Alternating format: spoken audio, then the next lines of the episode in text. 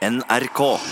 Men vi begynner med noe som har skjedd på YouTube, verdens største nettsted for å dele filmer og videoer. De stengte for litt siden kommentarfeltene under videoer av eller med barn under 18 år. Og det har fått de to norske brødrene, Simen og Daniel, som er blitt ja, YouTube-kjendiser med egen kanal, til å miste mange seere. De to synes det er viktig å være en stemme for unge på nettstedet, men etter denne stengningen av kommentarfeltene har de helt mistet lysten. Hei, onkel Daniel! Simen! Ja! Brødrene Simen og Daniel Andersen driver sin egen kanal på videodelingsnettstedet YouTube. Etter at nettstedet i mars stengte kommentarfeltene under videoer med mindreårige, har de merket at seerne har blitt færre. For oss så har det vært litt lite visninger på videoene etter liksom kommentarfeltene har blitt stengt. Og det gjør jo at folk ikke får holde kontakten like bra med oss. De må f.eks. skrive på Instagram for å liksom kommentere. Guttene tar ofte opp temaet nettmobbing, og deres engasjement ga dem prisen Årets meningsbærer under den norske YouTube-prisutdelingen Gullsnutten i 2017.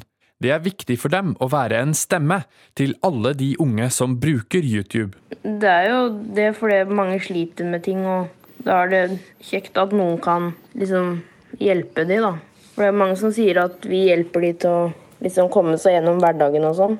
Ifølge en undersøkelse fra Kantar brukes YouTube daglig av 81% av unge mellom 12 og 17 år. Ivar Sten Johnsen, fagdirektør i YouTube-nettverket Nordic Screens, forstår at de nå gjør grep for barnas sikkerhet. Det er jo svært viktig at, at YouTube også gjør en innsats for å holde dette rent, og slik at foreldre kan være noenlunde trygge på at det er OK å være der. Og så er det jo ille at dette rammer da enkelte kanaler. Alt i alt så vil jeg nok kanskje si at jeg skjønner at YouTube tar disse aksjonene.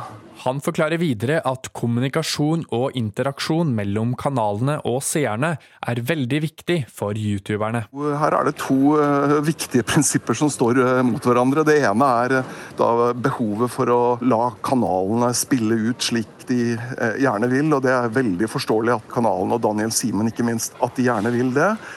På den annen side så er det jo også helt nødvendig at YouTube slår ned på misbruk av dette. YouTube eies av Google, og pressesjef i Google Norge, Helle Skjervold, sier til NRK at selv om de forstår at kommentarer er en viktig måte for youtubere å kommunisere med sitt publikum på, ønsker de heller å være overforsiktige.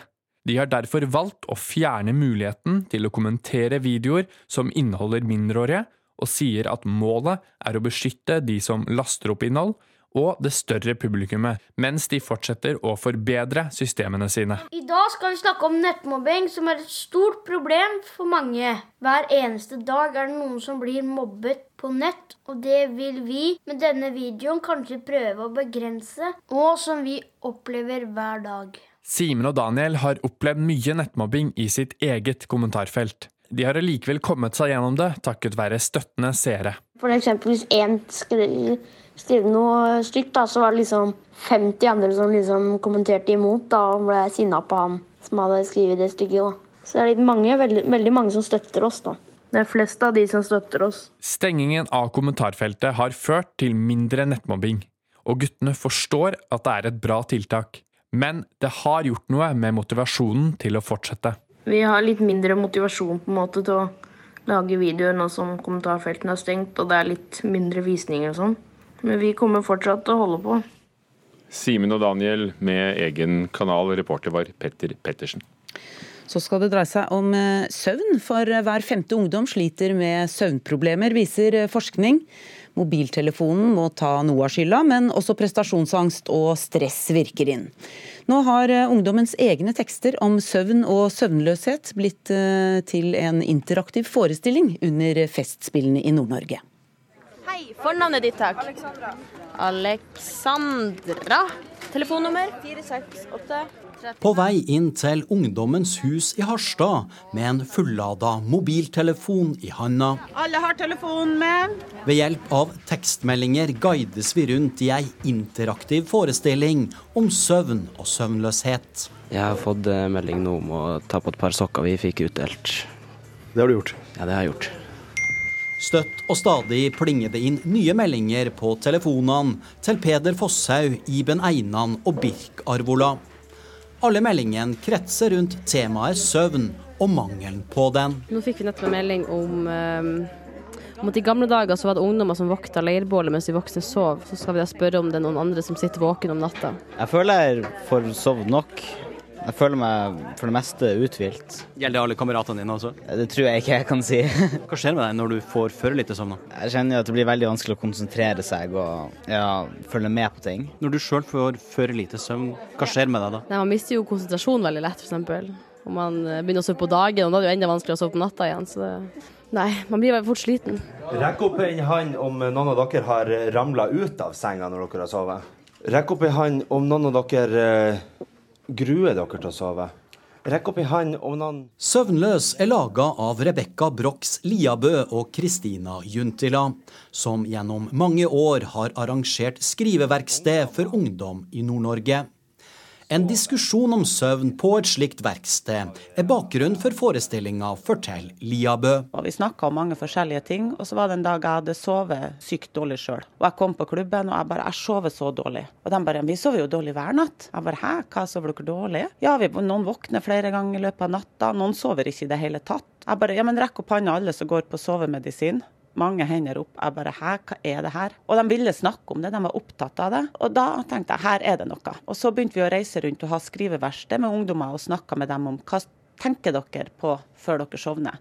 Så tenkte vi egentlig det er jo kjedelig tema, søvn. Men de var så engasjert. Og jeg vet ikke ennå hvorfor de er så engasjert i det, men eh, det er en ting i tida, akkurat det her med, med søvn. Mange ungdommer sliter med det, og det gjør jo også at det får noen konsekvenser for dem. At de ikke kommer seg på skole, ikke kommer seg på jobb.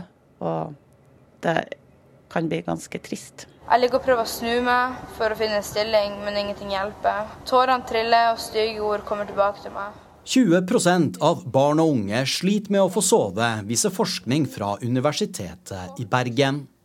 Mobiltelefonen må ta mye av skylda, men også faktorer som stress og prestasjonsangst, sier professor i psykologi Ståle Pallesen. Vi vet i alle fall at eh, ungdom generelt ser ut til å få for lite søvn i forhold til det som er behovet deres. I en undersøkelse som ble gjort eh, blant elever i videregående skole i Hordaland, så fant man at gjennomsnittlig søvntid i ukedagen var 6 timer og 25 minutter, mens behovet egentlig er 8 til 10 timer. Så veldig mange ungdommer får nok altfor lite søvn i forhold til det de skulle hatt, og eh, opplever derfor også søvnighet på dagtid. Ja, det kom en ny melding om at eh, sjokolade kan hjelpe deg å sovne. Jeg tror eh, det kan være veldig mye som liksom distraherer deg fra å sove, sånn som telefon eller sitte og se på TV og sånn der. At du fort glemmer deg av, og derfor sitter lenge oppe. Hva med mobiltelefon? Hva slags betydning har den for uh, søvnkvaliteten din? Eh, tida går jo veldig fort om den er på mobilen, så klart. Men jeg prøver jo å la være. Så når jeg går og legger meg, så tar jeg av mobilen og legger den til hjørnet, så jeg ikke skal bli frista til å se på den. Du er helt ærlig nå? Ja, faktisk. Jeg har blitt flinkere nå det siste året. Jeg har vært mer eh, Ja, man begynner å tenke litt. Det er jo mye som er nå på sosiale medier om at, eh, om at det er ungdommer er avhengige, så da blir man jo litt sjokkert, kanskje. Så tenker man at man må gjøre noe med det. Reporter var eh, Rune Norgård Andreassen. Vi har allerede hørt om effektene for museene når det gjelder den såkalte ABE-reformen, regjeringens reform som har til hensikt å gjøre statlige virksomheter mer effektive. Og nå skal vi høre at det kan få konsekvenser for filmmagasinet Montage. Hvordan henger det sammen? Kulturreporter Petter Pettersen. Ja, Norsk filminstitutt må altså spare fem millioner kroner pga. denne nevnte effektiviseringsreformen. Og nettmagasinet Montage, som i år feirer ti år, får årlig en støtte på 300 000 fra Filminstituttet. Og Som et forslag til innsparing har nå altså styret i Filminstituttet foreslått å kutte all støtte til, til nevnte nettmagasin. Og Om dette blir vedtatt og støtten forsvinner, så vil det bety døden for, for montasje, sier redaktør Lars Ole Kristiansen til Dagsavisen. Eh, og montasje er da altså, eh, som det ligger litt i, i, det du sa, et filmmagasin på nett. Eh, for vi som elsker film, som de har som slagord, hva sier Filminstituttet til, til kuttene de foreslår? Eh, Norsk Filminstitutts eh, direktør Sindre Gullvåg sier til Dagsavisen at han er åpen for løsninger som kan sikre støtte til montasje og andre filmtidsskrifter. Eh, og han sier videre også at de er i en prosess med å finne gode løsninger for å ivareta helheten, men at arbeidet ikke kan presenteres før etter sommeren.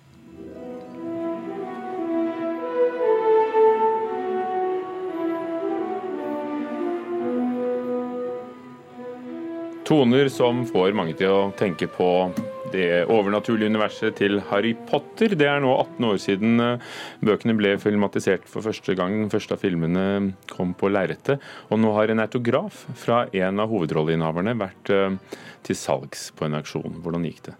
Ja, et bok bokeksemplar av eh, JK Rowlings Harry Potter-univers med autografer fra skuespillerne i filmene ble nylig solgt på en auksjon. Og boken var estimert til å bli solgt for ja, moderate 500 pund, eh, altså rundt 5000 eh, norske kroner. Eh, men ble altså solgt for 2600 britiske pund, eh, 28 000 norske kroner. Det skriver altså BBC. Og eh, i denne boken så skal trolig inneholde Harry Potter-skuespilleren Daniel Radcliffes første autograf, sammen med de to andre eh, hovedrolleinnehaverne, Emma Watson og Rupert Grint. Vet vi hvem som har fått kjøpe den? Eh, vi vet i hvert fall hvem som har eh, solgt den.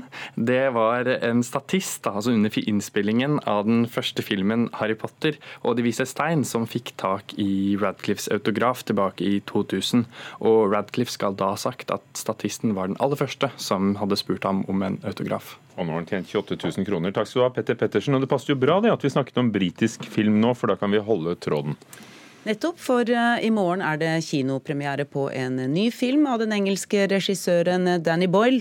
Det er en romantisk komedie inspirert av 90-tallets filmer som Notting Hill. Filmen heter 'Yesterday', som i den berømte sangen av Beatles. Vår kritiker Birger Vestmo har, eh, var spent da han gikk for å se den. Will you still need me? Will you still feed me when I'm 64? I don't know. I'll think about it. Why 64?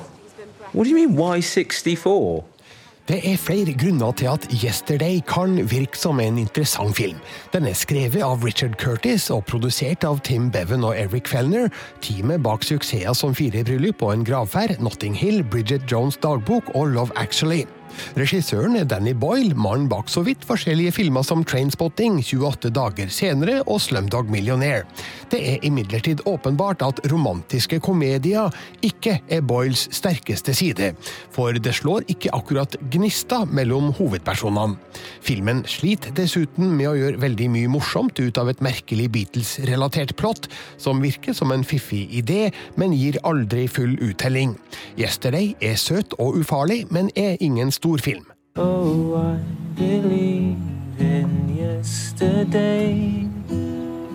When did you write that? I didn't write it. Paul McCartney wrote it. The Beatles. Who? Historiens utgangspunkt er ganske spesielt og lovende. Den strebende artisten Jack Malik, spilt av Himmers Patel, våkner opp til en verden der han er den eneste som husker musikken til The Beatles. Plutselig har han en enestående mulighet til å få sitt etterlengta gjennombrudd med låtene til John Paul, George og Ringo. Han hjelpes av sin trofaste manager og barndomsvenn Ellie, spilt av Lily James, som viser seg å ha hemmelige følelser for Jack. Når karrieren ser ut til å ta av, blir Jack satt i en skvis mellom musikken og kjærligheten, samtidig som han sliter med å leve på det han innerst inn vet er en løgn. Jack's just playing us a new song. What's this one called? Leave it be. Let it be. Oh, excellent. Well, rock on, Jack. Filmen er altså basert på et what if-scenario som pirrer interessen. Hvordan ville verden reagert om Beatles' største hits ble lansert av en ukjent artist i dag? Dette er imidlertid en finurlighet med en begrensa appell. Det er riktignok morsomt å se Ed Sheeran spille seg sjøl som misunnelig superstjerne, og Kate McKinnon som kynisk manager med bitende replikker, men filmen er liksom ferdig med poenget før halvgått løp, og da står vi igjen med en romantisk tråd som aldri blir skikkelig varm. You've had 20 years to make your move. I couldn't exactly make my move when I was seven. Then you've had 10 years. Exactly right, but. No, so I've been waiting half my life for you to wake up and love me. Til tross for visse innvendinger går det ikke an å direkte mislike Yesterday heller. Det er en enkel og ukomplisert film som kan virke nesten rørende naiv og gammeldags i sin tilnærming til stoffet. Yesterday fremstår som et middelmådig forsøk på å etterligne 1990-tallets romantiske komedier, men den blir aldri en Notting Hill sjøl. Hey, du Hey, dude, are you sure? He's right. That's, that's so much better. Is he? Terningkast tre. Birger Vestmo hadde sett Danny Boyles 'Yesterday', og så ligger det jo alltid eh, anmeldelser av nye filmer og serier på Filmpolitiets sider på nrk.no.